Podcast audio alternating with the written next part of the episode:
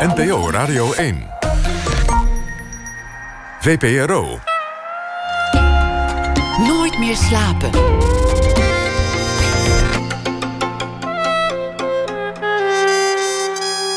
Met Esther Naomi Perquin. Goedenacht, welkom bij Nooit meer slapen.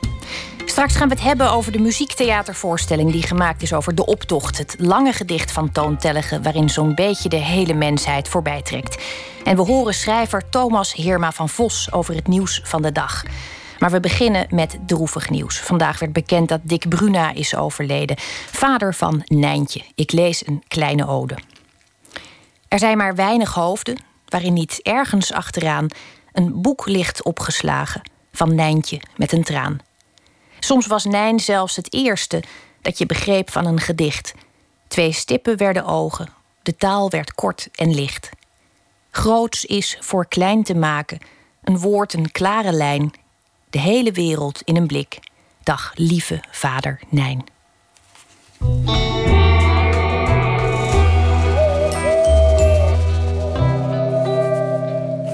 En komend uur zit tegenover mij tot een uur of half twee dirigent Jacques van Steen. Hij werd in 56 geboren in een echt Philips arbeidersgezin in Eindhoven. Een gezin waar klassieke muziek nu niet direct als een primaire levensbehoefte gold, maar waar hij al heel jong mocht ontdekken wat het in hem teweegbracht. En ook hoe gemakkelijk dat eigenlijk ging. Zodra hij noten las, doemde er beelden op en begreep hij iets dat niet uit te leggen viel. Alleen te horen, alleen te spelen. Hij studeerde orkestdirectie, koordirectie en muziektheorie aan het Brabants Conservatorium en spreidde al spoedig zijn vleugels. Ik zal het hem en mezelf trouwens ook niet aandoen om volledigheid na te streven wat zijn carrière betreft. Want alleen al een samenvatting van zijn cv zou dit uur trouwens behoorlijk vullen. Hij dirigeerde alle professionele symfonieorkesten van Nederland, waaronder het Residentieorkest, het Rotterdams Philharmonisch Orkest en het Nederlands Philharmonisch Orkest en de drie radioorkesten. Maar eigenlijk is heel Europa zijn werkterrein. Hij dirigeerde de grote orkesten in onder meer Noord-Ierland, Tsjechië, Duitsland en Engeland. En voor de buitenstaander lijkt Jacques van Steen toch vooral de tovenaar met het stokje. Een figuur die vaak gehuld in onzichtbaarheid het dichtst bij de magie staat. Hoe stromen al die stemmingen, persoonlijkheden en tonen onder zijn handen samen? Een dirigent is bovendien onhoorbaar, dat wil zeggen tot je hem weghaalt. En zo vervult Jacques van Steen eigenlijk een dubbelrol. Omringd door muzici is zo hij zowel de schepper als de knecht. Jacques van Steen, wat fijn dat je er bent. Ja, geweldig. Poëzie. Niet vaak in het, uh, in het, in het land eigenlijk. En nu eventjes wel. Met een restje jetlag. Ja, de laatste maand was uh, een soort uh, jongen in een snoepwinkel. Dus ik begon op 1 januari in Wenen. En de helft van de maand een hele week in Tokio. Dan weer terug naar Wenen. En op twee vrije dagen naar Londen om snel nog iets heel moois Mozart op te nemen. Dan weer terug naar Wenen voor voorstellingen. En vorige week Nuremberg bij mijn eerste Duitse orkest. En dat was een soort uh, ja, thuiskomst. En, en dan ineens zijn de orkestmuzici uh, weg die je heel lang gekend hebt. Want op een gegeven moment gaan ze met pensioen. En is het orkest vernieuwd. En precies de helft was er nog. En dat zijn dan ineens vrienden. Dus heel veel uitnodigingen na de repetitietijd. Om, om koffie en een borrel en etentjes. En, en nu een week thuis. Dus dat is een week lesgeven. En ik heb net twee sessies achter de rug met een van mijn beste ex-leerlingen, Frank Sielhorst. Um, en een Engelse regisseur voor een opera in Londen in mei. En dat is deze week. En uh, overmorgen gaat het naar Zwitserland. Voor een uh, concert met ook een ex-orkest waar ik zeven jaar was in uh, Wintertour. Een jongen in een snoepwinkel noem je dat. Het is ja. een, een, een zo voelt het. het is, een het gigantische is, uh... weelde, maar ook een gigantische drukte.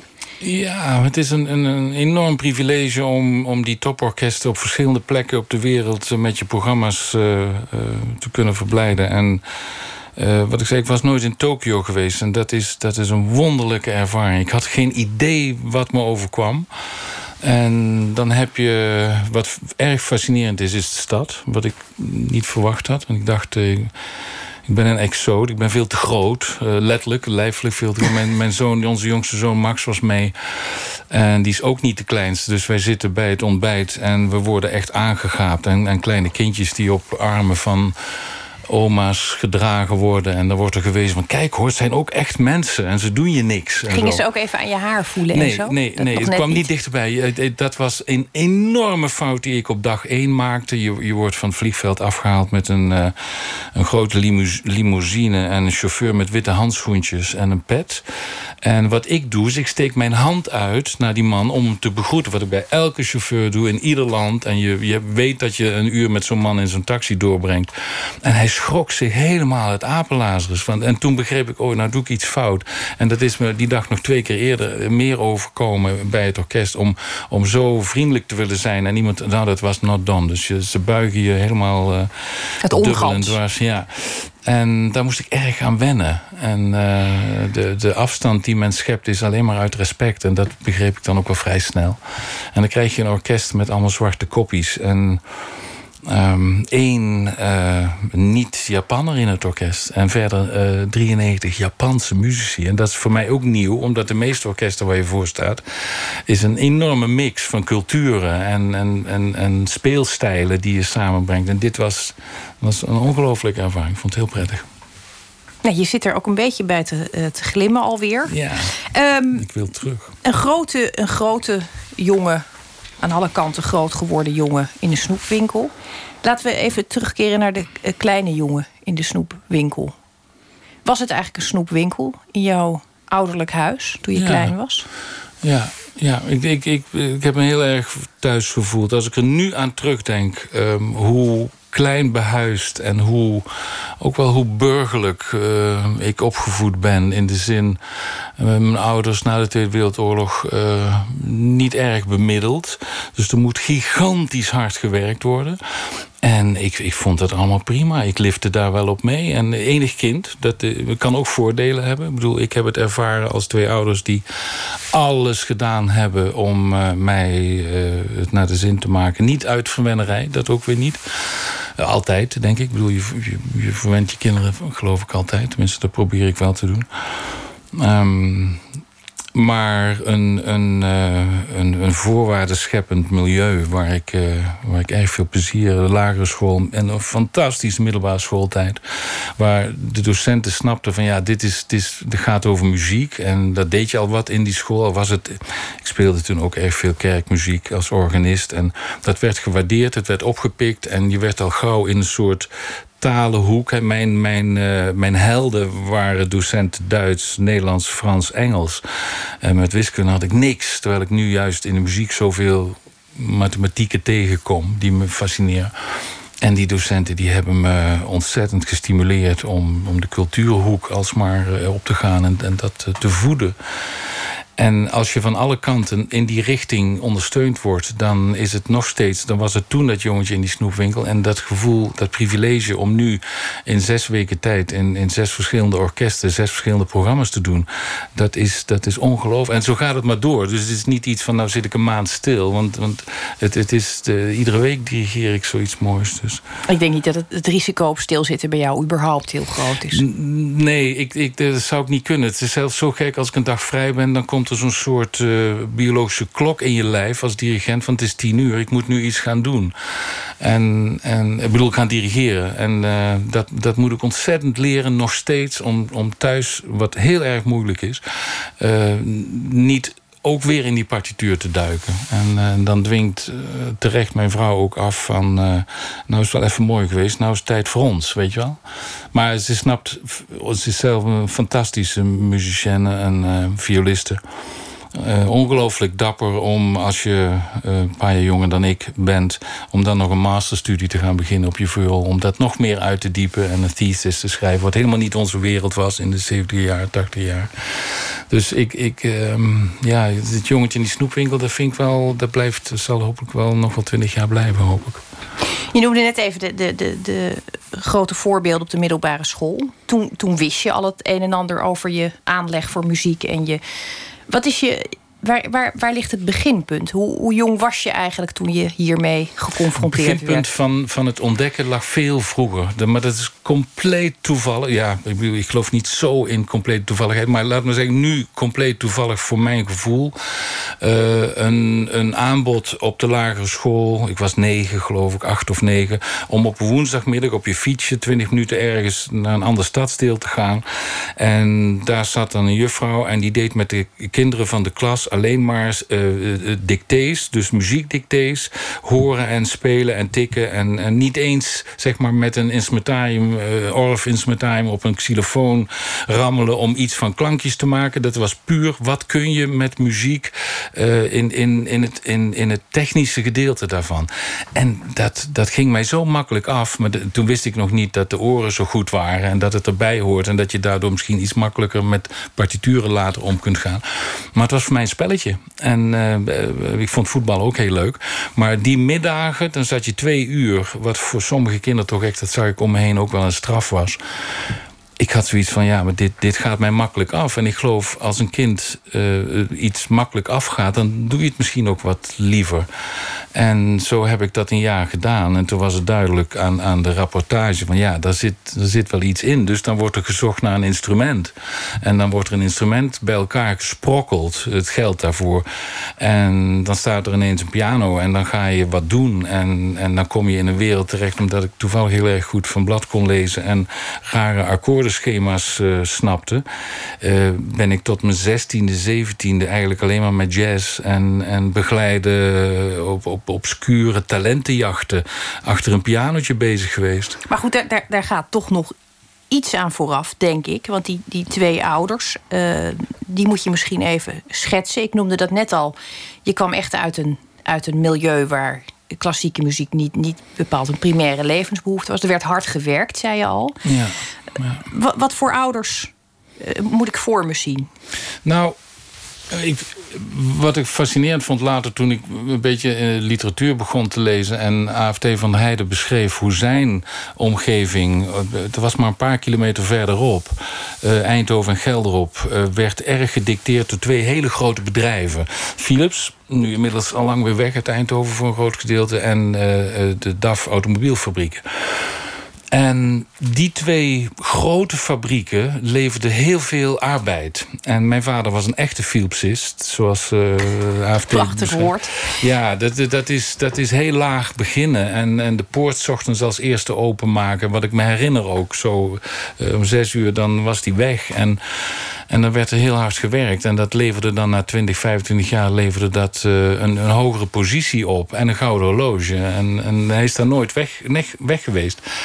Het was ook echt een, een, een, een, familie, hè? zo moet ik dat wel zien. Ja, heel sterk. Het klinkt nu bijna, bijna sectarisch als je, dat, als je dat beweert over een, over een bedrijf. Maar zo, zo was het. Er werd heel goed voor gezorgd. Ja, ik, ik heb het dus heel positief ervaren. Op de eerste plaats uh, uh, om, omdat het een. een uh, mijn ouders waren heel, heel vrolijk. Mijn moeder sowieso, dat was een ongelooflijk positief mens. Had geen vaste baan. had, zoals dat toen misschien nu nog wel heet, werkhuis. Ik geloof dat je het nu anders heeft, hulp in de huishouding of zo.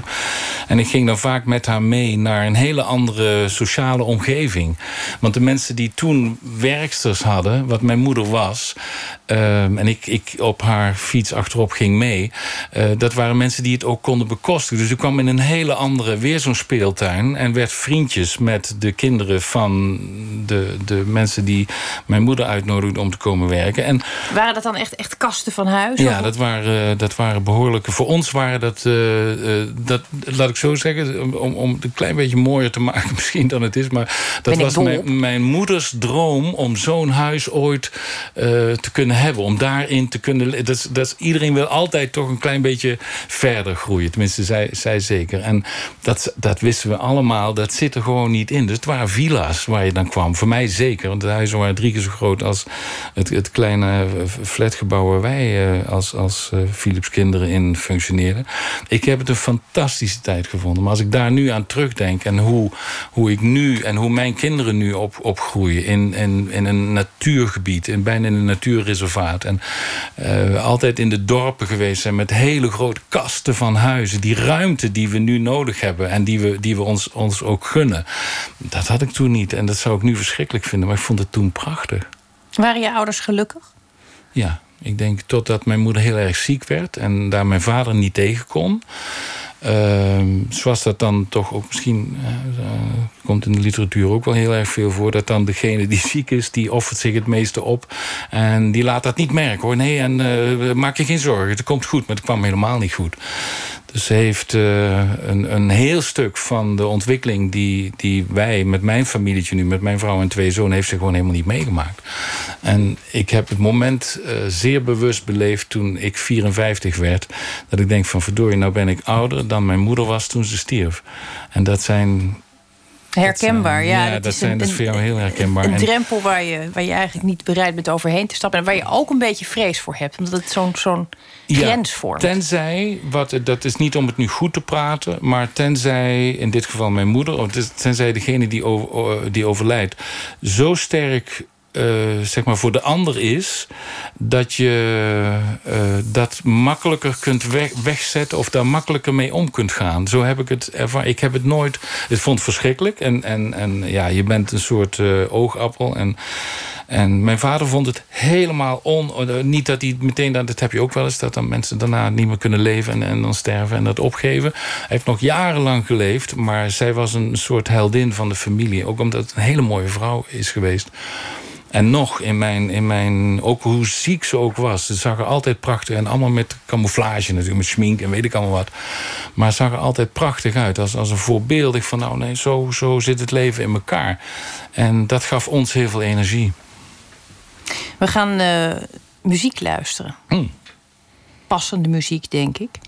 Het, uh, het is eigenlijk uh, een stuk dat je zelf hebt gedirigeerd een repetitie met het Praag Symfonieorkest. En uh, sopraan, ik weet niet of ik de naam goed uitspreek, Luci Silkenova. Mm -hmm. Zeg ik dat goed? Ja, Silkenova zeggen ze in, uh, in Tsjechië. De accent Silkenova. komt op een, een jong uh, sopraantalent, ja. Um, de laatste lieder. Is, en we gaan deel 4 hmm, mooi. luisteren van Richard Strauss. In Avondrood.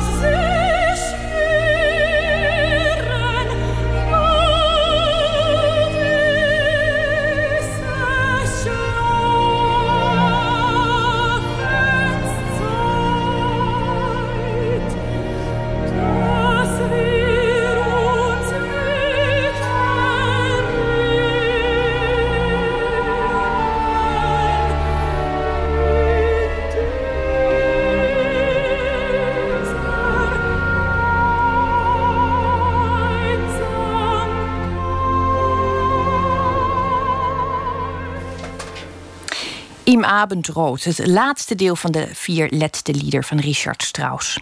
En die werd hier uitgevoerd tijdens een repetitie van het Praag Symfonieorkest met sopraan Lucy Silkanova. En tegenover mij zit de dirigent Jacques van Steen nog steeds. En die heeft deze muziek tien jaar niet kunnen aanhoren. Hmm. Dat klopt ja, niet toch? kunnen dirigeren. Wel, nou, nee, eigenlijk, je hebt gelijk. Niet kunnen aanhoren. Um, Hoe kwam dat? Sommige muzieken die zijn gebonden aan een moment in je leven... kan ook heel erg uh, opwekkend zijn. En uh, opgewekt zijn, moet ik zeggen. En dit is een muziek... ik dirigeerde een behoorlijk voor jonge dirigenten... behoorlijk groot engagement met het Nationaal Jeugdorkest. Ons toenmalige Nationaal Jeugdorkest. Ik was daar assistent en kreeg een concert van de dirigent Adam Gatehouse. Zei van, jij mag dat, dat concert doen. En dat was een programma met de vier laatste lieden. En dat was in de week dat mijn moeder op sterven lag.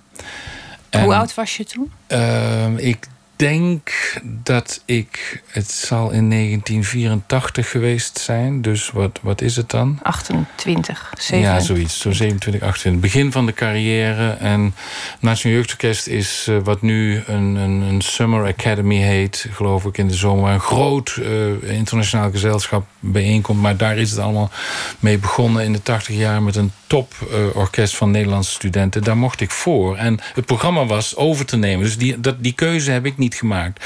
Maar Strauss' vier laatste lieden, vooral dat laatste... waar je nu een stukje avondrood van gehoord hebt... dat was voor hem als de, de ruim 80-jarige man zo'n soort afscheidsode... ook aan zijn vrouw en, en aan het leven... en alles wat, wat, uh, wat mooi was in zijn leven en zijn carrière. En dat concert is gepland op vrijdagavond. En op donderdag uh, was het duidelijk dat mijn moeder nog een paar uur te leven had. En zij ook zei van... ja, maar je gaat dat gewoon doen. Ik bedoel niet zo snel als ik het nu zeg... maar je gaat dat verdomme gewoon doen, want dat wil ik... en dat komt goed. En ik, ik ga toch dood. Dus dat, dat moet je niet opgeven. En dat, dat is niet eenvoudig. Als, als ik er nu aan terugdenk, zou het nu geloof ik niet eens gekund. Ik zou zeggen, ja, de groeten, er is, er is wat anders dan dirigeren. Maar op dat moment was dat voor mij belangrijk. En voor haar. En uh, toen heb ik dat natuurlijk in haar uh, nagedachtenis... We, hebben, we zijn samen daar naartoe gegaan. En toen hoorden we, na het concert kregen we een telefoontje... dat het op dat moment ook al gebeurd was. Dus er is een soort paralleliteit geweest. En toen heb ik... Want het is een van mijn lievelingswerken. Ik heb het niet al te vaak, niet, niet zo vaak als andere werken... wel eens langskomen. Maar zo'n topwerk wat zo diep emotioneel gaat... en zoveel vertelt ook over het leven. Al gaat het over de dood, maar het vertelt heel erg veel over het leven. Hoe mooi het geweest is met een prachtige vioolsolo. En um, dat heb ik toen 10, 12 jaar niet meer op het repertoire durven nemen. Omdat ik denk, ik moet dat moment zo laten zoals het is. En niet, niet uit angst van ik kan dat niet of zo, of ik ga huilen of wat ik ook helemaal niet. Ik, ik, ik huil wel eens bij concert, weet niemand, maar dat gaat dan innerlijk. Dan is het of zo mooi, meestal is het huilen van, van schoonheid en niet van shit, wat gaat het slecht. Uh, want daar kun je ook om huilen, maar dat gebeurt dan meestal in, op een ander moment als het niet helemaal lukt. Godzijdank niet zoveel. Um, en die schoonheid die wilde ik ook niet aantasten. En toen kreeg ik een uitnodiging om naar Zuid-Afrika te gaan met dat stuk. Toen heb ik gezegd, ja oké, maar dan wil ik heel graag Robert Alexander uh, meevragen. Uh, toenmalig Amerikaans-Nederlandse sopraan... die met Rudy van Danzig ontelbare malen... de vier laatste lieder als ballet...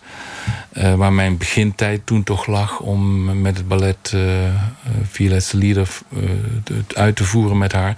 Toen zijn wij samen naar Johannesburg gegaan. En dat was heel bijzonder, want het was de eerste keer na dit moment. En ik heb het daarna nog een aantal keren, nu dus met Lucie Silkenova... bij een orkest waar ik nu een positie heb. En ik heb het ook in het conservatorium met een jonge sopraan kunnen doen, Irene Verburg. En dat zijn altijd hele bijzondere momenten. En als ik dit nu zo terughoor, denk ik van ja, dan moeten we maar weer eens ergens kwijt. Zomaar, om, om, het is zo prachtig. We gaan straks uh, na het nieuws verder praten.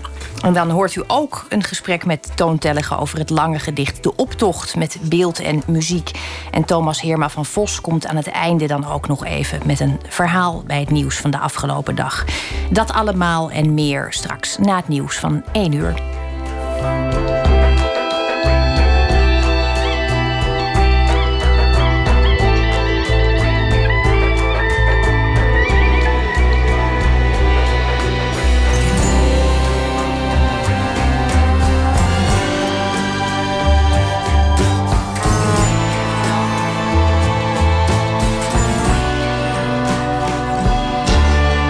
Radio 1.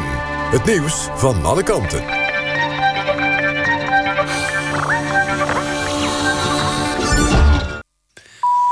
Het is 1 uur Patrick Holtkamp met het NOS-journaal. Honderden vluchtelingen, onder wie veel onbegeleide minderjarigen... houden zich volgens hulporganisaties weer op in Calais. Die conclusie trekken ze uit het aantal maaltijden dat ze uitdelen aan vluchtelingen. De Franse autoriteiten hebben zich er nog niet over uitgelaten. Het illegale vluchtelingenkamp dat bekend stond als de jungle van Calais... werd in oktober ontruimd. De duizenden bewoners werden toen verdeeld over Franse opvangkampen. Van die mensen is de laatste maanden zo'n kwart weer uit die kampen vertrokken. Het is niet duidelijk waar ze heen zijn gegaan... maar dat een deel weer in en rond Calais zit is niet ondenkbeeldig. Naar de plek van de jungle kunnen ze niet, want die wordt zwaar bewaakt. Burgemeester Van der Laan van Amsterdam heeft in een interview met de lokale zender AT5 verteld over zijn ziekte. Van der Laan heeft uitgezaaide longkanker en krijgt chemotherapie. Hij zei dat het niet zo goed met hem gaat, maar dat hij hartverwarmende reacties heeft gekregen. Er zijn duizenden brieven en kaartjes naar hem gestuurd. Iedereen reageert magistraal aardig en dat geeft een hoop support, zei Van der Laan tegen AT5. Hij zei ook dat de gemeenteraad hem nu niet moet sparen... omdat dat anders ten koste gaat van de stad. In de VS is de Senaat akkoord gegaan met de benoeming van een gezworen vijand van milieuactivisten tot hoofd van de Amerikaanse Milieudienst. Het is de 48-jarige Scott Pruitt. Hij staat bekend als klimaatskepticus. Zo betwijfelt hij of er wetenschappelijk bewijs is voor klimaatverandering. Verder heeft hij nauwe banden met de energiesector. En ook viel hij een plan aan van president Obama... om de uitstoot van schadelijke stoffen te beperken. Het weer. Opklaringen en het koelt af naar een graad of twee. Plaatselijk is een kans op mist. In het weekend veel bewolking, maar het blijft droog. Komende dag ook af en toe zon.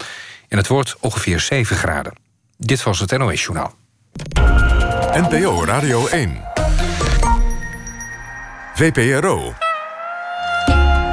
Nooit meer slapen.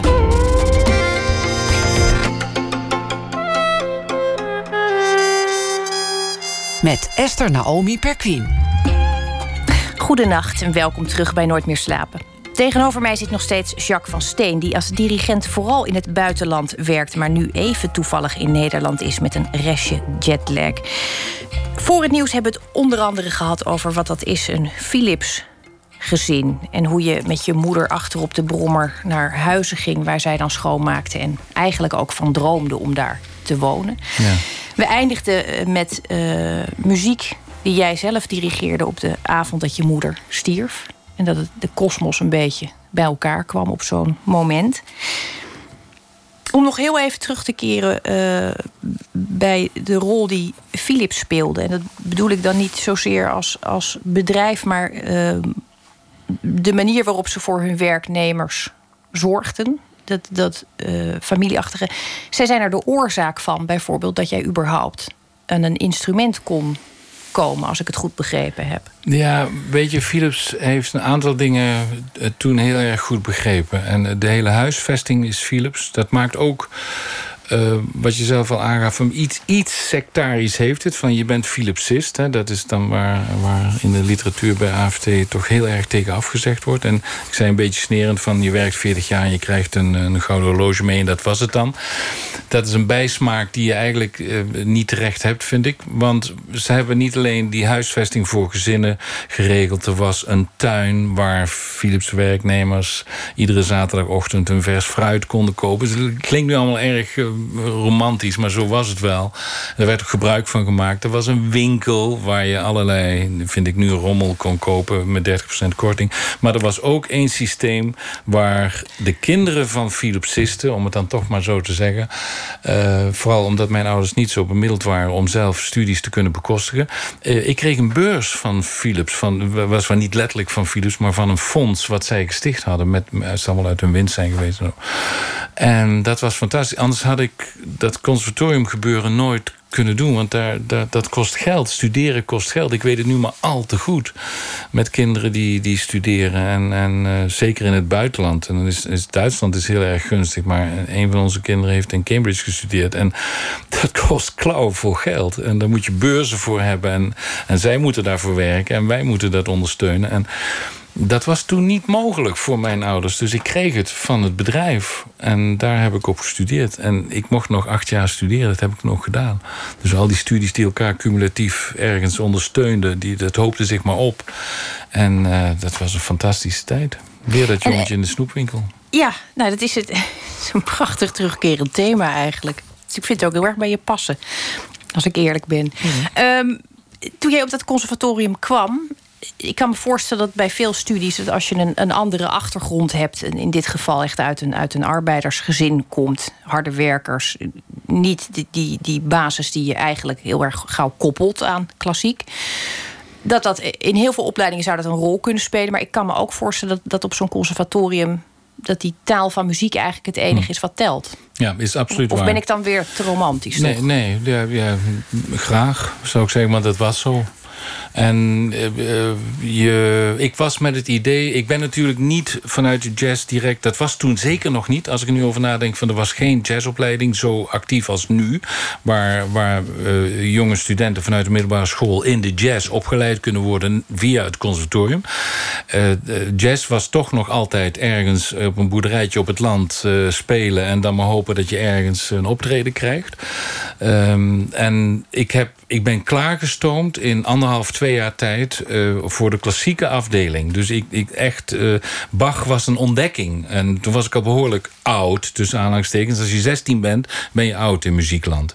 Als ik kijk wat mijn vrouw met een Young Musicians Academy doet uh, op het conservatorium, waar kinderen tussen de 9 en 17 ongelooflijk slim en ongelooflijk hard werken op die viool, klaargestoomd worden om naar het conservatorium te gaan. En dan nog kunnen kiezen of dat ze wiskunde, natuurkunde of astrologie gaan, gaan studeren dat astronomie gaan studeren, dat kan.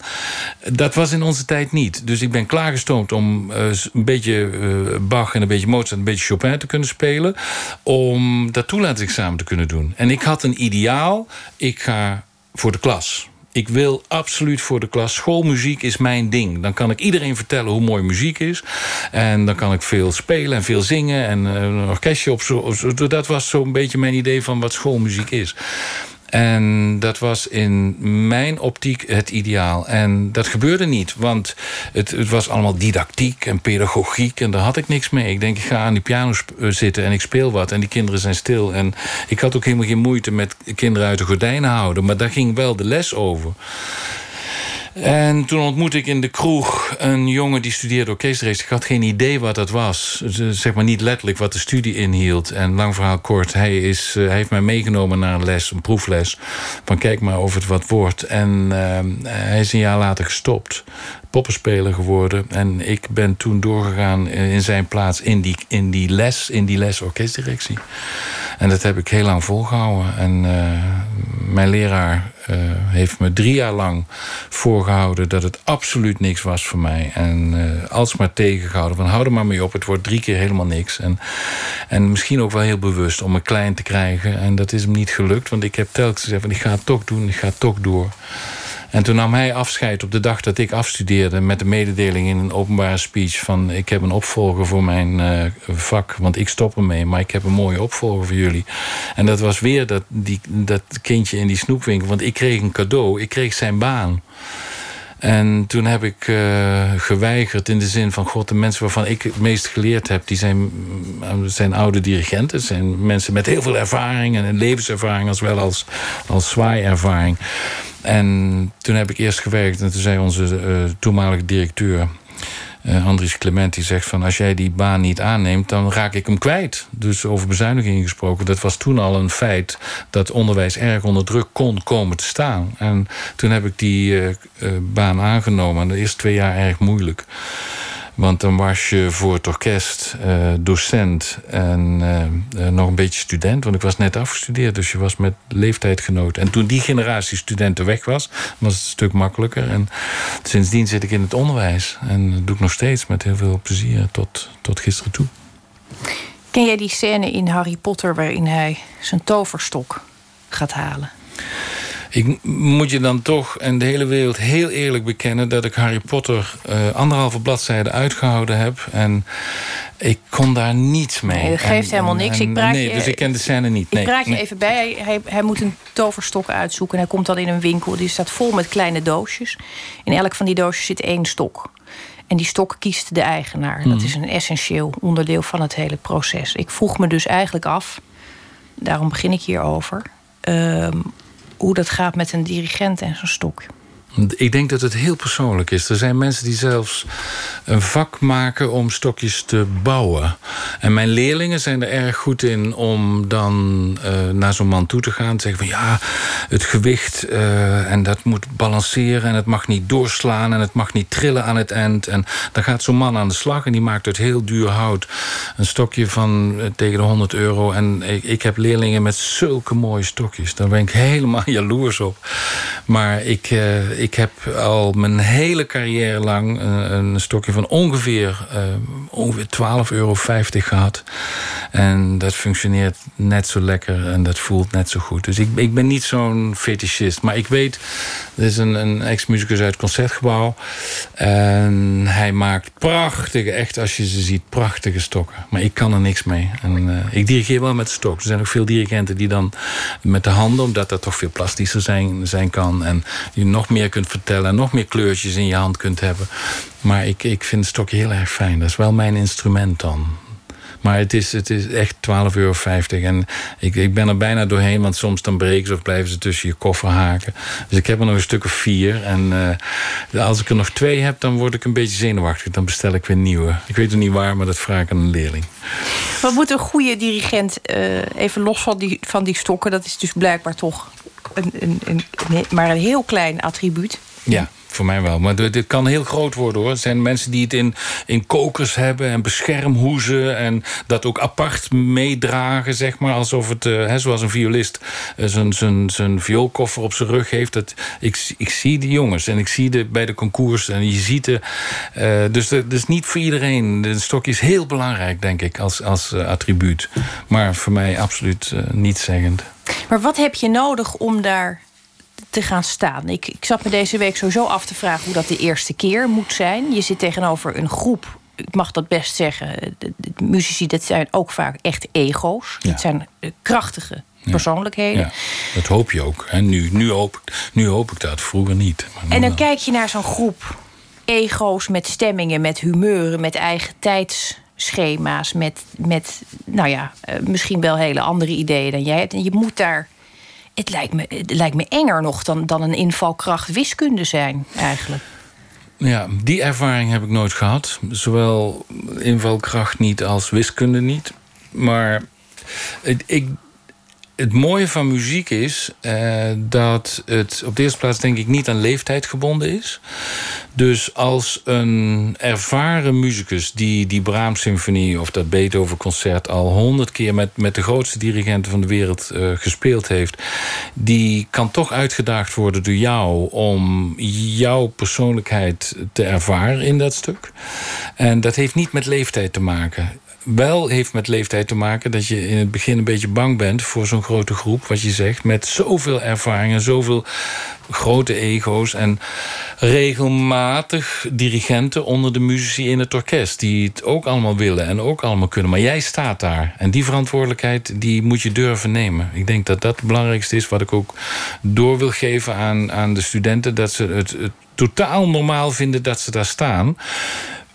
Uh, niet een voorrecht en niet dankjewel, fijn dat ik hier ben. Maar normaal vinden dat ze er staan. Ook omdat ze een vak heel goed beheersen. En dat ze van zichzelf overtuigd zijn dat ze iets kunnen brengen. Want een, een beetje uh, zelfovertuiging, zonder dat moet je niet voor een orkest gaan. En het is een breed vak. Je moet historisch weten waar het stuk thuis hoort. Je moet technisch weten hoe het, hoe het werkt. Je moet fysiek, hoe je armen werken, hoe je lijf werkt. En, en uh, een van de meest fascinerende, als ik eraan terugdenk, is een van mijn eerste cursussen. En een van de weinige cursussen die ik gedaan heb als student in 1985. Ik was net afgestudeerd. Negen dirigenten voor een toporkest in Engeland, BBC Philharmonic, waar ik nu regelmatig kan zijn. En negen keer bij de auditie voor wie gaat wat doen, een Brahms eh, werk. En negen keer klinkt dat anders. En omdat de fysiek zo, zo. De orkesten zijn zo gevoelig en ze pikken zoveel op. Dus een, een wat kleiner spring in het veld-achtig manneke eh, klinkt anders dan een wat zwaardere, geaarde. Dat, dat zijn zo gevoelige zaken die het orkest meteen oppikt, omdat ze los van die muziek kunnen komen. En dan gebeurt er iets. En dat kun je gelukkig niet, niet in woorden vangen. Dan gebeurt er iets met de tijd en de ruimte. En dan, dan gebeurt er iets heel moois als het goed is. Daar heb ik heel veel geleerd. Hoe, hoe, om te kijken naar anderen, hoe dat het dan gaat. Wat is nou uh, gemakkelijker? Een heel groot orkest of een kleine groep? Lijkt mij, die, die, die grootheid lijkt me zo ongelooflijk moeilijk te overzien. Ja, ja, ja. Uh, het, grappige is, het kan ook heel erg persoonlijk zijn. Uh, ik, ik vind het leukste niet uit de soort megalomanie van ik wil zo groot mogelijk. Hè, want ik ga over een maand aan de derde malen beginnen. Het stuk dat duurt 90 minuten. Heeft 100 man orkest, eh, twee koren, een, een. En, dan denk ik van, het gaat me niet om de grote dubbel O, dubbel T van het stuk. Maar de fascinatie van, van dat klankgebeuren um, is, is voor mij een, een een, een, ontzettende uitdaging om dat allemaal bij elkaar te brengen. En dan denken veel, ook muzici hoor, denken van... jeetje, knap zeg, dan heb je daar 100 man orkest. En, en ik net de Heliane van Korngold gedaan in Wenen. Dan heb je een orkest, 100 man voor je... met allerlei toeters en bellen en tingeltangels en slagwerks. En je hebt een koor achter je op het balkon. Je hebt 22 solisten ergens om je heen op de bühne. Je hebt een organist die zit in een ruimte drie hoog achter... omdat hij niet meer op het podium past. Die moet versterkt worden. Uh, je hebt een, een groepje trompetten, trombones... die aan de andere kant van het balkon staan om ook nog mee te doen. En dan denkt iedereen van, jeetje, hoe krijg je... Dat hoor je dan ook na afloop van, en in je kritieken van... jeetje, hoe krijg je dat voor elkaar? Er is niets moeilijker voor mij uh, dan het dirigeren van een heel klein ensemble. En dat is ook gebeurd. Dat heb ik ook veel uh, kunnen doen. En dan komt het op millimeterwerk. Op een soort koorddansen. En die muziek zo precies uit te voeren. Omdat je maar met 12 of 14... Veel kleiner moet het dan ook niet worden, denk ik. Um, de grootste mislukking, als ik dat zo mag zeggen... die ik zelf meegemaakt heb... is uh, een sextet van Schoenberg. Twee violen, twee altviolen, twee celli. Wat ook voor groot orkest gezet is. Wat ik als groot orkest kende. En ik wilde dat met vrienden uitvoeren. Mijn vrouw viool, vrienden tweede viool, vrienden altviool, vrienden celli. En het was een gigantische puinhoop, omdat je zes grote solisten om je heen hebt. En die hadden zoiets van, ja, je kunt zwaaien wat je wilt van Steen... maar wij doen ons ding. Dus die klik, die maken zij veel sneller hoe kleiner de groep is. En ze hebben mij absoluut niet nodig gehad. En dan denk ik van, oh, wacht even. Uh, zo kan het uh, ook niet werken, zeg maar. En dat heb ik ook nooit meer gedaan. Dus als er iets kleins is waar grote persoonlijkheden... dan laat ze het lekker doen. En dat kan, dat kan, ja, dat kan heel mooi zijn. Maar dan heb je ook geen dirigent nodig, zeg maar. Dus er zijn veel dingen ook. Uh, ik laat ook orkesten spelen, spring van de box. Spring ik in de zaal, ga ik in de zaal zitten. Om te kijken hoe de balans is in een vreemde als je op tournee bent. Hè. Zo dan, dan kom je in een zaal waar je nooit geweest bent. En dan ga je maar staan en dan, heb je een half uurtje. En van dat half uur spring ik een kwartier van de bokken ga ik in de zaal zitten. En dat ding dat speelt wel. En dat gaat net zo goed tot een bepaald moment. En dan altijd de, de platte plagiaatgrap van uh, zo mensen, we zien elkaar uh, de volgende week, want je hebt me niet meer nodig. En haha, leuk. En iedereen heeft een goede, goede stemming. Maar in feite kan een orkest tot, tot 90, 95 procent absoluut zelf. Maar dan die laatste klik, die laatste 5 procent, die, waar ik dan toch wel denk, daar kunnen we het samen doen, zeg maar. Daar doe ik het voor. Ik noemde jou helemaal aan het begin van dit gesprek een schepper en een knecht een dubbelrol. Ja, Ervaar je die rol ook echt allebei zo? Dagelijks. Dagelijks. Naar de partituur toe uh, uh, knecht. Vanuit de partituur schepper. Naar het orkest toe collega. Maar ja, iemand moet, moet vertellen waar het naartoe gaat. Dus je, je, je, je wordt er ook voor gevraagd om dan de eerste van de, van de groep te zijn. Uh, maar, maar, moet je dan ook echt wel eens de baas spelen? Want bedoel, ik, ik noemde dat net even: grote persoonlijkheden, sterke ego's. Het gaat natuurlijk ook wel eens. Er, er komt frictie of er ontstaat. Ja, ja dat komt, komt er ook wel. Er komt er Kun je dan ook echt bulderen? Ik zie je er wel voor aan, eerlijk gezegd. Vertel het maar ja, gewoon. Ik, nee, ik ben, nou ja, je ziet misschien wel vooraan. Ik kan ongelooflijk hard zijn, geloof ik. En, en uh, heel vervelend. Uh, omdat ik mijn wil door wil zetten. En het leven ook. En dat is soms, dat spijt me verschrikkelijk, maar dat is dan zo. Maar een dirigent moet dat ook wel hebben. En dan kom je ook persoonlijkheden tegen... waarvan je in vijf minuten in zo'n orkest weet van jeetje, die man heeft een probleem, of die vrouw. Die heeft een probleem. Hoe, hoe, ga ik daarmee om? En dat hoeft niet eens in de muziek te liggen. Het hoeft niet eens persoonlijk naar jou te zijn. Maar iedereen heeft zijn dagvorm. En iedereen is, uh, zit wel eens niet zo lekker in zijn vel. En dan moet je toch zorgen dat die drie uur repetitie functioneren. Want jij moet s'avonds met het orkest de bühne op. Kun je je zo'n situatie herinneren, een specifieke? Toestand? Nou, ik, ik, uh, en ik kom er toch maar weer, als ik er zo over nadenk... in het gesprek met jou op terug van... Uh, ik heb gelukkig niet zoveel orkesten... waar je het gevoel hebt dat er één of twee mensen zijn... die je niet zo verwelkomen. De, ik heb uh, tropenjaren gehad, zowel in artistiek positieve zin... in 15 jaar Duitse operaorkesten dirigeren... Weimar, Dortmund en een stukje Nürnberg als symfonieorkest. Uh, dat was ongelooflijk zwaar. Heb ik artistiek ontzettend veel van geleerd. En menselijk waren daar dingen waar ik denk van ja, dat wil ik nou echt niet meer meemaken. Ook niet met de mensen in het orkest die, die ontzettende twijfel zaaien en, en uitdagend kunnen zijn van, maar meen je dat echt wel zo? Waarom geef je dat niet duidelijker aan? Want jij hebt het altijd gedaan. Die verantwoordelijkheid moet je ook nemen. En nu is de, hoe beter de orkesten worden, hoe fijner het is om alleen maar te kunnen sturen en, en je, je ideeën kwijt te kunnen, omdat zo'n orkest zo doortraind en zo lekker geolied als machine is. Ik heb de laatste jaren, godzijdank, niet meer dat ik denk van Jeetje, wat. Ik heb wel eens ik denk van de eerste repetitie, waar gaat dit naartoe? Red ik het? Maar dat is dan puur alleen maar uit de muzikale overtuiging en niet uit de menselijk. Want ergens kom je op een moment waar het me ook niet meer zoveel interesseert. En dan wordt het makkelijker. Zowel voor hen ook. Dan zien ze van ja, maar daar gaat het nou even niet om. Je moet niet in die val lopen dat als iemand achter in een orkest uh, even naar beneden kijkt, dan zie ik wel dat zijn, telefoon daar ligt. En dan denk je van ja, jongen, dat is jouw probleem. En dan is het ook weg. Of, of je maakt er een grap over. Maar dat vond ik vroeger heel erg. Ik heb momenten meegemaakt dat een, een groep achter in het orkest zo weinig te doen hadden. Ja, die pakken de krant en die hebben het over het voetballen en over weet ik veel, alle dingen waar ik het niet over had en ook niet over kon hebben. En dat is nu weg. Ik heb zoiets van, ik, ik ga ervoor en uh, het is mijn leven. En als ze dat niet willen, dan moeten ze me de volgende keer niet meer vragen. En dan komt zo'n vraag, die komt gewoon niet eens. We hebben nog tijd voor een, uh, een, een, een, fraai stukje muziek. Dit keer uh, niet onder jouw mm -hmm. leiding. Onder leiding van Jaap van Zweden, om precies te zijn. Mm -hmm. Verwandlungsmuziek. En dat is een deel uit de eerste acte van de opera Parsifal van Richard Wagner. En uh, we gaan een uitvoering horen van het Nederlandse Radio Philharmonisch Orkest met Jaap van Zweden Mooi. dus. Mooi.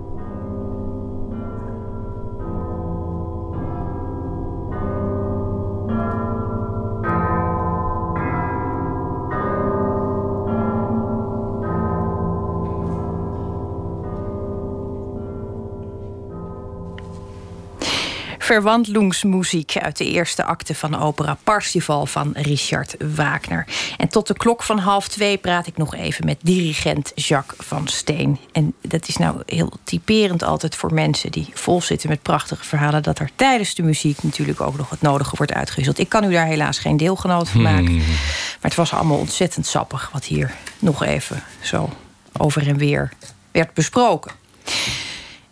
Het is een ongelooflijke energie die het vereist. Het, het reizen alleen al, het steeds wisselen, al die uh, koren, al die mensen, al die tonen, al die.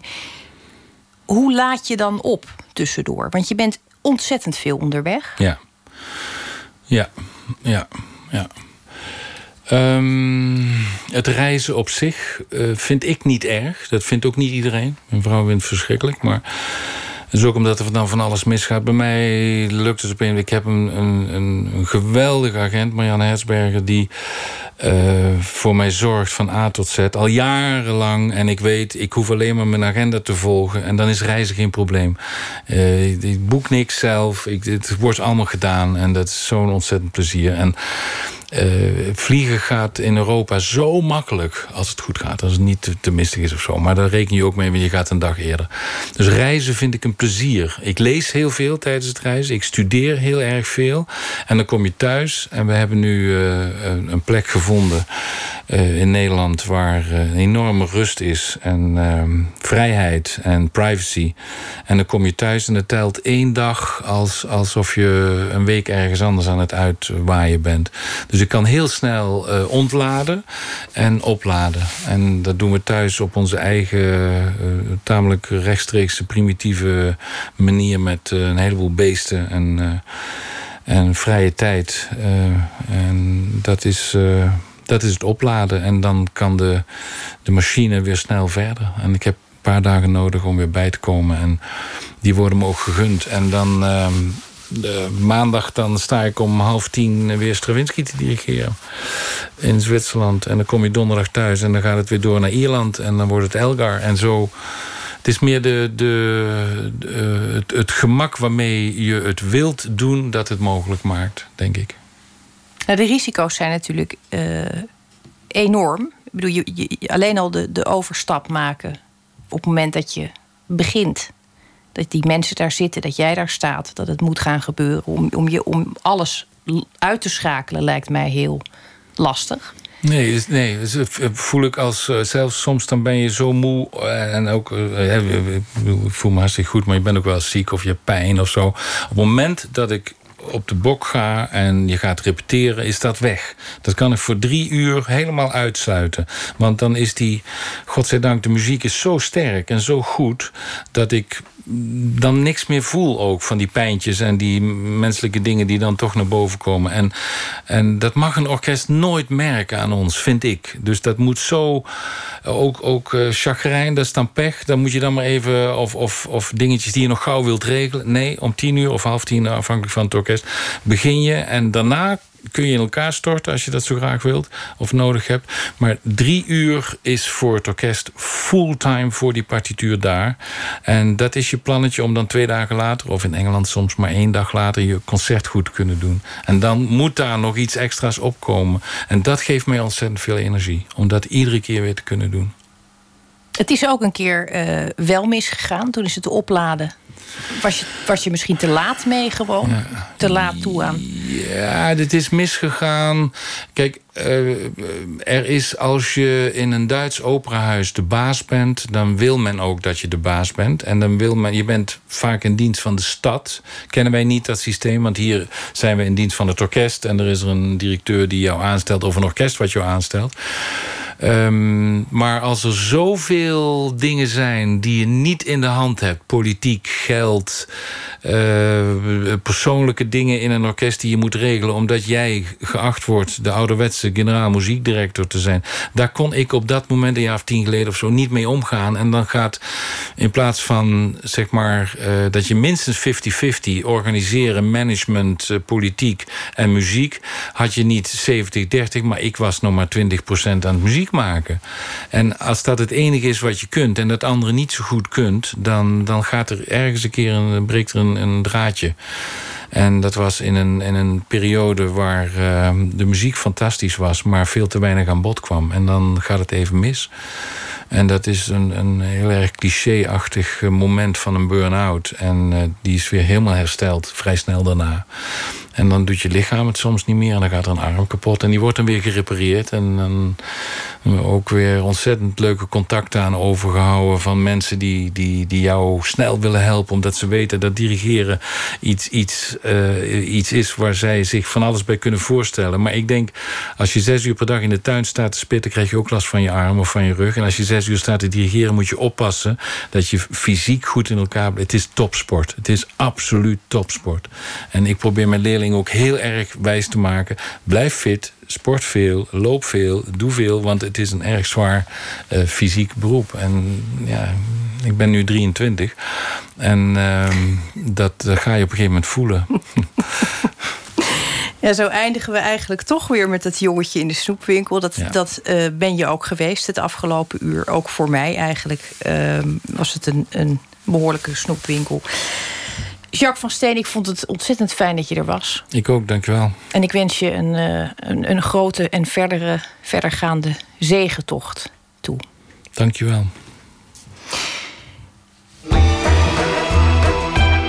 Nooit meer slapen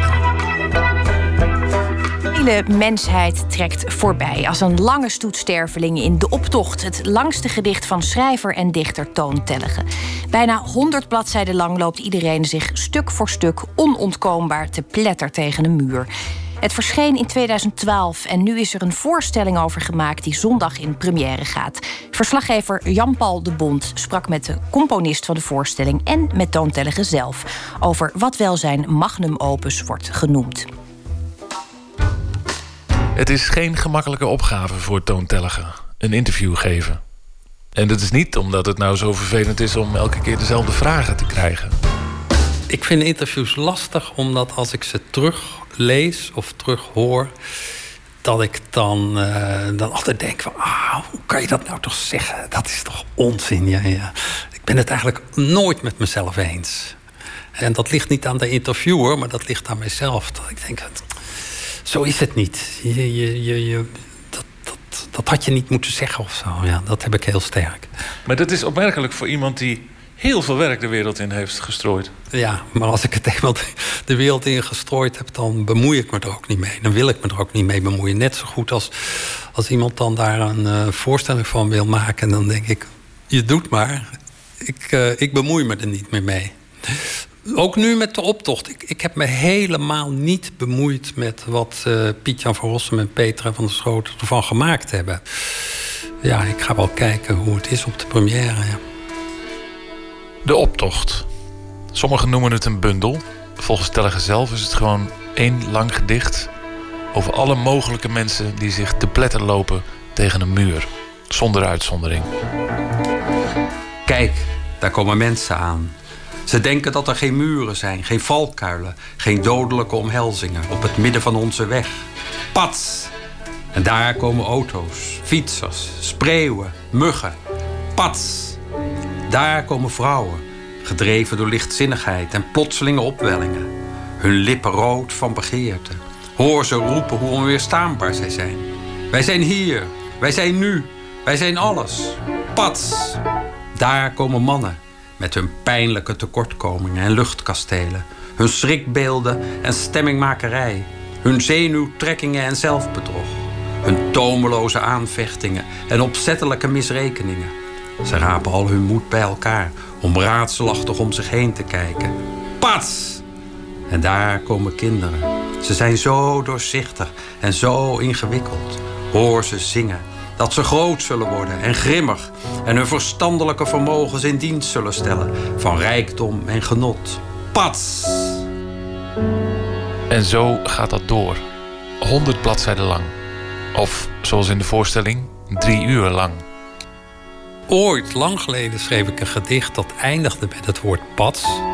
Dat is ook het eerste fragment van de, de optocht. En toen heb ik er nog één gemaakt. Die ook pad zijn. En toen dacht ik, nou ja, ik ga eens proberen om nog een aantal te maken die eindigen op pad. Maar ik stel me voor, nou ja, misschien een stuk of zes of zeven. En, zo is het uiteindelijk gegroeid. En telkens meer. En op een gegeven moment, toen ik er uh, ongeveer veertig keer pad zat... toen dacht ik bij mezelf, nou, kijk of ik er honderd kan maken... maar dan hou ik ook echt ermee op. Mij als het er honderd zijn. Maar ja, toen het er honderd waren, ben ik toch nog doorgegaan. En dan, op een gegeven moment ben ik, alleen, ben ik altijd maar doorgegaan. En dat zou ik nu ook nog kunnen doen. Wie vooral de verhalen van de eekhoorn en de mier kent, moet even wennen aan de optocht. Het laat zich lezen als een lange observatie. Een opsomming die bijna bezwerend gaat werken. Maar voor Toon zelf was het vooral een taaloefening. Ergens tijdens het schrijven ontstond het idee om ieder woord, iedere beschrijving althans, maar één keer te gebruiken. Het werd een afspraak met zichzelf en er kwam een schriftje met mogelijke woorden. Ja, ik kan niet alle woorden gebruiken. Er zijn ook woorden waarvan ik denk, nee, dat wil ik niet. Nee, dat, dat is een woord waar ik niet van hou of dat vind ik niet mooi. Maar elk woord wat er nu in staat, ja. daar hou je van? Uh, daar, um, ja, daar hou ik van. En het, is ook...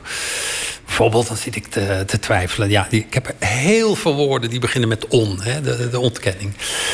Dan denk ik, ja, mag ik nou, als ik nou losmakelijk gebruik, mag ik dan ook onlosmakelijk gebruiken?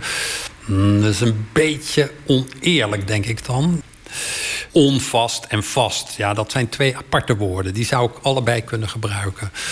Maar onlosmakelijk en losmakelijk, denk ik, nou, dat, dat is te veel uh, de tegenstelling. En zo is het ja, dan vind ik dat, dat vind ik heel leuk. Dat soort gepuzzel, gepriegel, gepruts. Ja. Ja.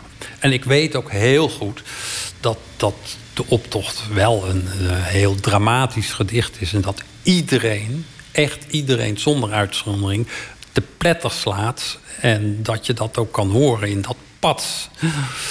Dat weet ik wel. En dat het ook heel verdrietig is. Zoals uh, mijn moeder en een aantal mensen die op jongere leeftijd zijn doodgegaan. En zo, ja. Dat weet ik wel. En toch kan ik bij het maken echt heel veel plezier hebben in dat gepruts en gepriegel. Ja. Dat, dat gaat goed samen. Ja. Want dat pad, ja. het is lekker om op te schrijven ook. Ja, dat is het. Ja. Pad. En soms altijd met een uitroepteken. Soms met twee. Heel enkele keer met twee uitroeptekens. Ja, dat is wel een zeker genoegen. Dat, dat kan ik niet ontzeggen. Omdat veel van die figuren die zich te pletten lopen ook onaangename figuren zijn. Ja. Waarvan ik denk, uh, laat ze zich maar te pletter lopen. Ja. Daar komt een oude man aangesloft. De vleesgeworden zucht naar roem en eerbiedwaardigheid. Hij blijft staan en kijkt verwonderd om zich heen. Zet zijn handen aan zijn mond en schreeuwt... Is hier niemand? En waarom niet? Hij denkt dat hij nog ruimdenkend is en onvervaard in zijn vetleren jas. Een hond kijkt hem vernietigend aan. En een stem zegt... U hoeft niet zo'n kabaal te maken. Pats! Het, het is een, een heftige tekst uh, voor zijn doen, zeker. Ja. Waar het echt toch wel wordt afgerekend met een flink deel van de hypocriete medemens. Het was wel, was wel stevig om te lezen, ja. Componist Piet-Jan van Rossum, een van de makers van de voorstelling. De verteller, de ik-figuur. Pas halverwege durft hij over zichzelf te gaan praten. Hé, hey, maar dat ben ik. Hé, hey, kijk, daar loop ik. En hij begint zichzelf te herkennen in die optocht. En hij komt natuurlijk langzaam achter dat al dat geoordeel wat hij heeft gedaan dat hij eigenlijk zichzelf heeft geoordeeld. En dat hij dus de meest beklagenswaardige, dat hij dat zelf is. En wat ik met de muziek heb gedaan is... Uh, in, in eerste instantie ga ik in geweld, sardonisch geweld, zeg maar... ga ik mee met toon. Maar op een gegeven moment, na zo'n half uur... dan ga ik er toch een beetje boven hangen... van wat ben ik nou eigenlijk aan het doen. En dan wordt de muziek wat, wat, wat rustiger en wat, wat uh, etherischer. En tegen het eind, zeg maar de laatste drie kwartier, is, is die muziek best wel troostend. Dus het is alsof die muziek een extra persoon is.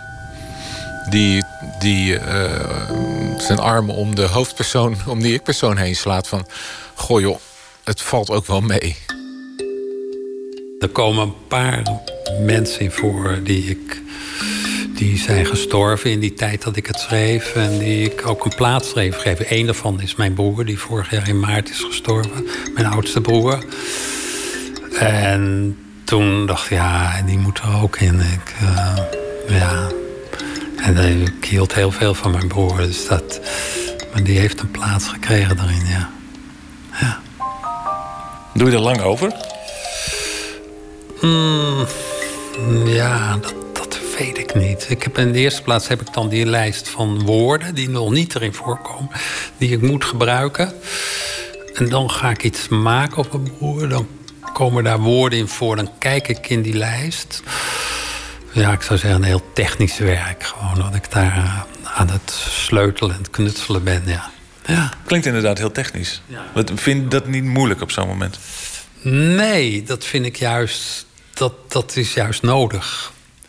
Op zo'n moment moet, moet ik alleen maar denken aan hoe te doen. En wat er dan over mijn broer staat... ja, dat, dat, daar moet ik niet te veel over denken.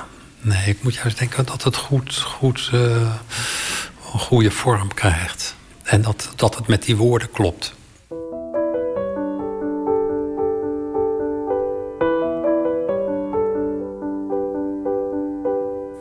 Kan enorm goed voorstellen dat je op een gegeven moment een stuk wil hebben wat blijft groeien en wat blijft mee veranderen met je, alles wat je meemaakt in je leven en, en met, je, met je eigen geest en met je teleurstellingen en je hoop en, en de wereld en alles.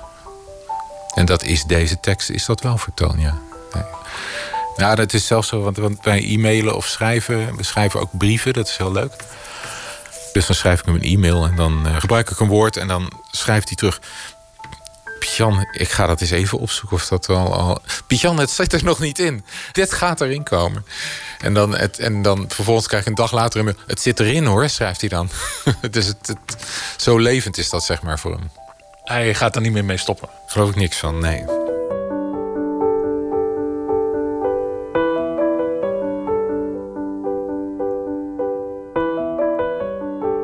Wordt het makkelijker schrijven nu? Nee, zeker niet. Nee. Er zijn dingen waarvan je denkt, als je, als, als je jong bent, dan denk je, nou ja, als ik veel ervaring heb, dan worden die dingen allemaal makkelijker. Maar dat, dat is niet zo. Dat gaat niet zo. En, en je, je inspiratie, verschuift dat? Ja, dat weet ik niet. Nee. Ik weet helemaal niet wat, wat mijn inspiratie is of wat inspiratie is. Dat weet ik niet. Moet ik ook niet weten, wil ik ook niet weten. Toch, als ik het goed heb, gaat je muze ook uh, te pletten tegen de muur. Ja, alles gaat te pletten. Iedereen. Ook dus de muze, ja. Zondagmiddag is de première van De Optocht door het Ives Ensemble in het Corso Theater in Den Haag. En deze bijdrage was van Jan-Paul de Bond. De 18-jarige Khalid groeide op met een moeder die in het leger werkte. En zijn liedjes gaan dan ook over opgroeien in het leger, over reizen en over hoe opnieuw te beginnen. Dit is het nieuwste album van zijn nog te verschijnen album Shot Down.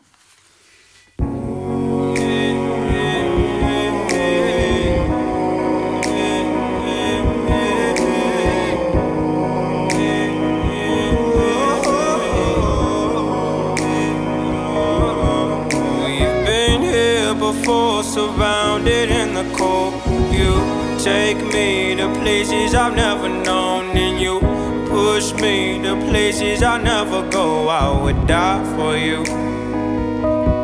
Tell me the truth. Am I all that you would need? If we're keeping it a hundred, you're all that I need for me. From the jump until forever from now, I would ride for you. Yeah, but you got me shot down by love. You got my heart now. Why won't you stop now? Oh, I've been knocked down by you. Yeah, you got my heart now. Why won't I've been through it all, I've been through the worst, but I never knew how much I love could hurt. Over my family, I put you first.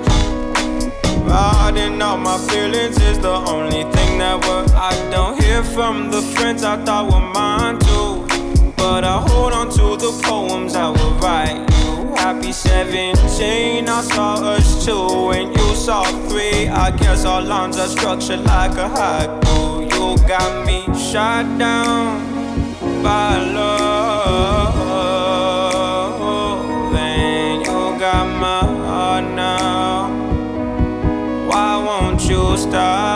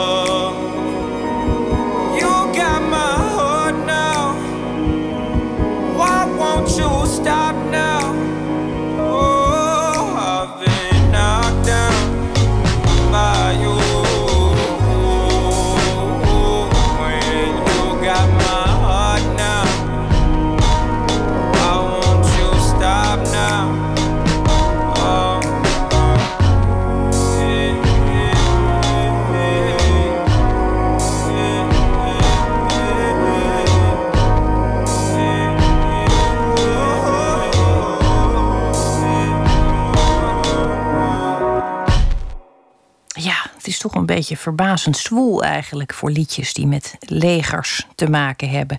Zijn eerste hit had hij trouwens al te pakken toen hij nog op de middelbare school zat. Khalid hoorde u met Shotdown en op 25 februari treedt hij op in Paradiso in Amsterdam. We gaan verder met één minuut, een serie vol wonderlijke verhalen in 60 seconden. En de bijdrage van vanavond heet Ballonnen. Eh, ik was op reis in eh, Burundi, in Afrika.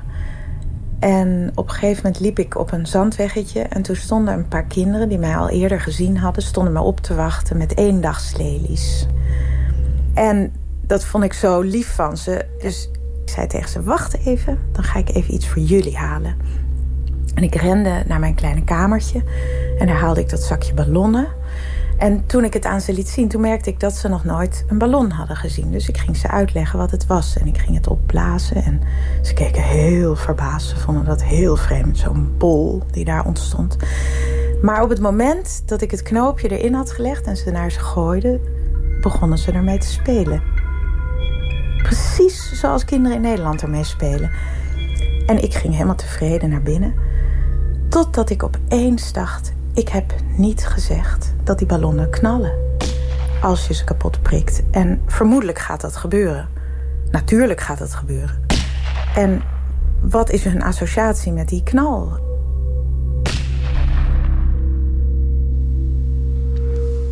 U hoorde een 1 minuut gemaakt door Stef Visjager met dank aan het Mediafonds.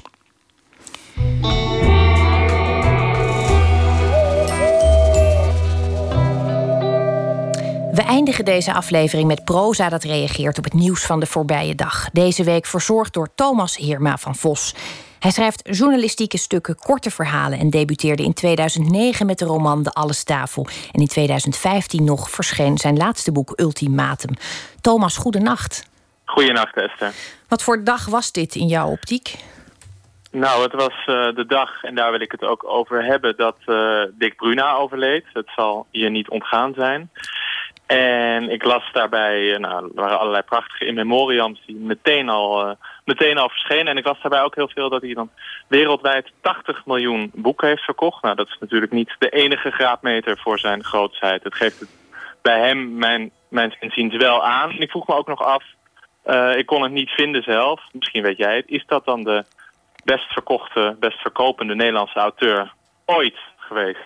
Ik heb datzelfde afgevraagd. Ik had het daar uh, vanavond nog even over tijdens het eten thuis. Uh, het, volgens mij is, zat hij uh, in ieder geval nog boven eh, het, het achterhuis van Anne Frank. Ja, dat is de enige die ook bij mij opkwam en die heb ik opgezocht. Maar ja, Dick Bruna heeft dan natuurlijk het voordeel dat hij veel meer boeken heeft. Ja, ik denk dat, Eh. het wel, dat, het, dat het wel eens zou kunnen blijken de komende tijd. Ik, ik, ik weet nog niet of het is uitgezocht door iemand. Nou, nou dat vroeg ik me af. En verder, eh, los van die verkoop, eh, vind ik het ook droevig nieuws. Hoewel die oud was en volgens mij, een, een, eh, voor zover ik dat kan beoordelen, enigszins afgerond en eh, eh, tevreden stemmend leven leiden. Maar ja, dat, dat weet ik eigenlijk niet. Maar het was in ieder geval een redelijk mooie leeftijd en volgens mij niet heel onverwachts. Maar droevig nieuws en daar wilde ik ook mijn column min of meer aan wijden. Ik ga naar je luisteren. Gisteravond, rond het moment dat dit programma begon, overleed Dick Bruna. Een van de grootste, meest succesvolle tekenaars en schrijvers die Nederland ooit gekend heeft. Iemand die menige kindertijd van kleur voorzag en nog steeds voorziet. Ook de mijne. Ik herinner me nog bijzonder goed dat ik als kind zijn verhalen kreeg voorgelezen door mijn moeder. Dat ik ze later zelf las. Ik had een Nijntje lamp, zelfs enkele Nijntje kleren. En, ik zal, en er zal de komende dagen veel over hem geschreven en gepraat worden. En al die aandacht lijkt me bij voorbaat terecht. Maar los van al die lof, alle waardering, al het succes, wil ik het over iets anders hebben. De wijze waarop Dick Bruna met dat succes omging. Ooit, jaren geleden alweer, zag ik een documentaire over hem. Hij leefde vrij teruggetrokken. In Utrecht, zijn Utrecht. Uit alles werd duidelijk dat hij niet op de aandacht zat te wachten. In Japan, was hij toen al lang een grote ster geworden. Wereldwijd waren toen al tientallen miljoenen exemplaren van zijn boeken verkocht. En hij glimlachte er alleen maar wat beduust bij. En hij wilde vooral thuis blijven zitten. Teruggetrokken in zijn atelier om nieuwe verhalen en figuren te bedenken. Ik heb daar altijd een groot ontzag voor gehad.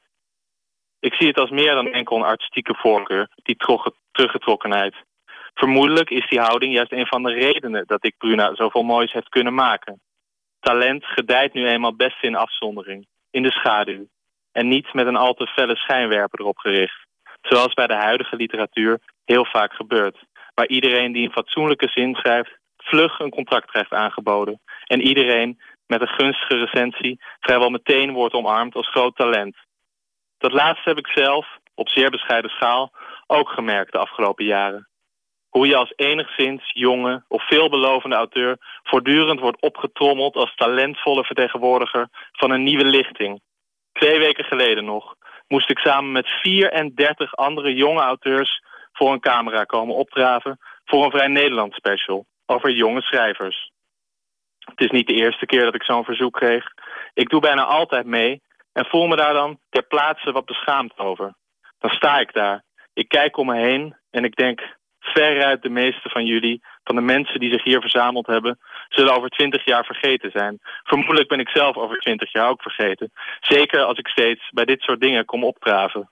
En vooral denk ik, de auteurs die over 60 jaar het meest uitgebreid en oprecht herdacht zullen worden, die staan op zulke momenten niet voor een lens, maar die zonderen zich af. Om in rust datgene te maken wat ooit echt gemist zal worden. Dankjewel, Thomas. Ja, het is, het is een grote zegen, vind ik wel, dat er zo'n eh, rijke erfenis voorhanden is. Ik denk dat dat nog zeker 200 jaar wel mee kan, als het, als het niet langer is. Ik eh, herinner me ook dat ik begrepen heb dat, eh, dat Dick Bruna altijd op zijn atelier werkte. En dan Mhm. 's smiddags tussen de middag thuis ging eten. Dan stapte hij op zijn fiets en fietste hij naar huis. Dan ging hij warm eten en dan fietste hij weer terug. Ik heb dat, Prachtige gewoonte. ja, Prachtig beeld. je kunt het je bijna niet meer voorstellen dat je dat, je dat soort regelmaat aanbrengt in een werkzaam bestaan. Maar het is misschien wel een van de redenen geweest dat hij zo lang zo ongelooflijk productief is geweest. Dus warm eten tussen de middag en niet te veel meedoen aan fotoshoots. Dat is eigenlijk de voorlopige Ja, de conclusie. vaste rituelen. Gewoon als een werkdag, als ik dit zo hoor. Prachtig. Dat klinkt, eh, klinkt erg mooi, ja. Dankjewel voor, voor je bijdrage deze week. En ik wens je voor nu een hele goede nacht. Hetzelfde. Zij is een van de beste stemmen uit de blues en gospel. Etta James, ook wel bekend als Miss Peaches. En van haar debuutalbum At Last uit 1960 komt dit nummer. Anything to say you're mine. En iemand zou dit wel eens als een verlaten Valentijnskaart kunnen beschouwen. En dat is dan volkomen terecht.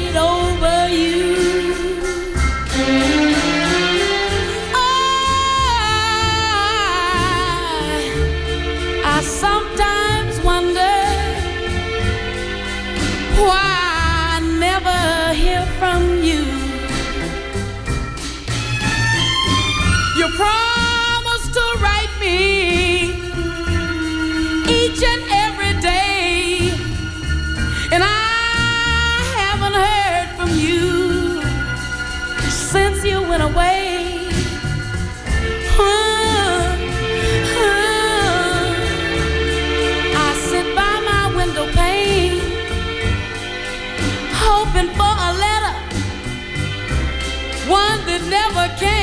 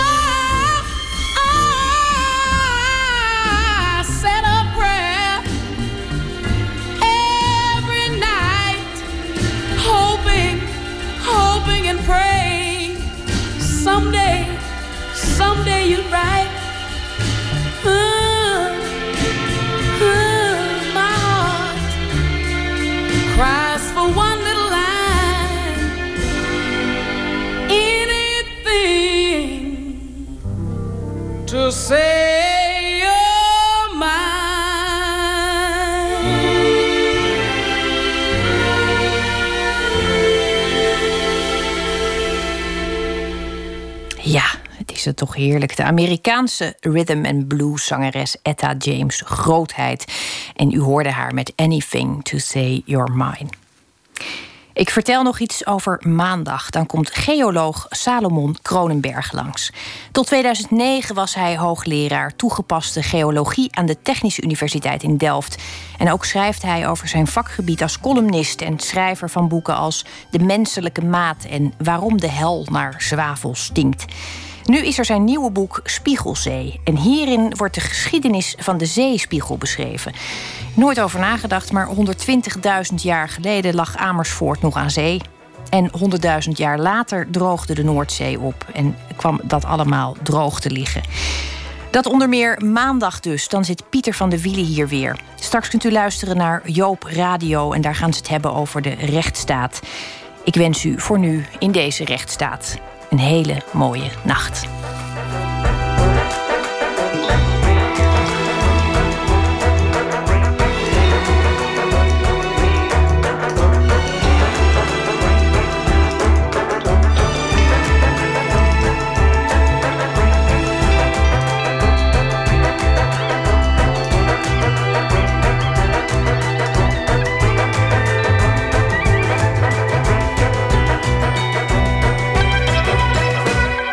Op Radio 1, het nieuws van alle kanten.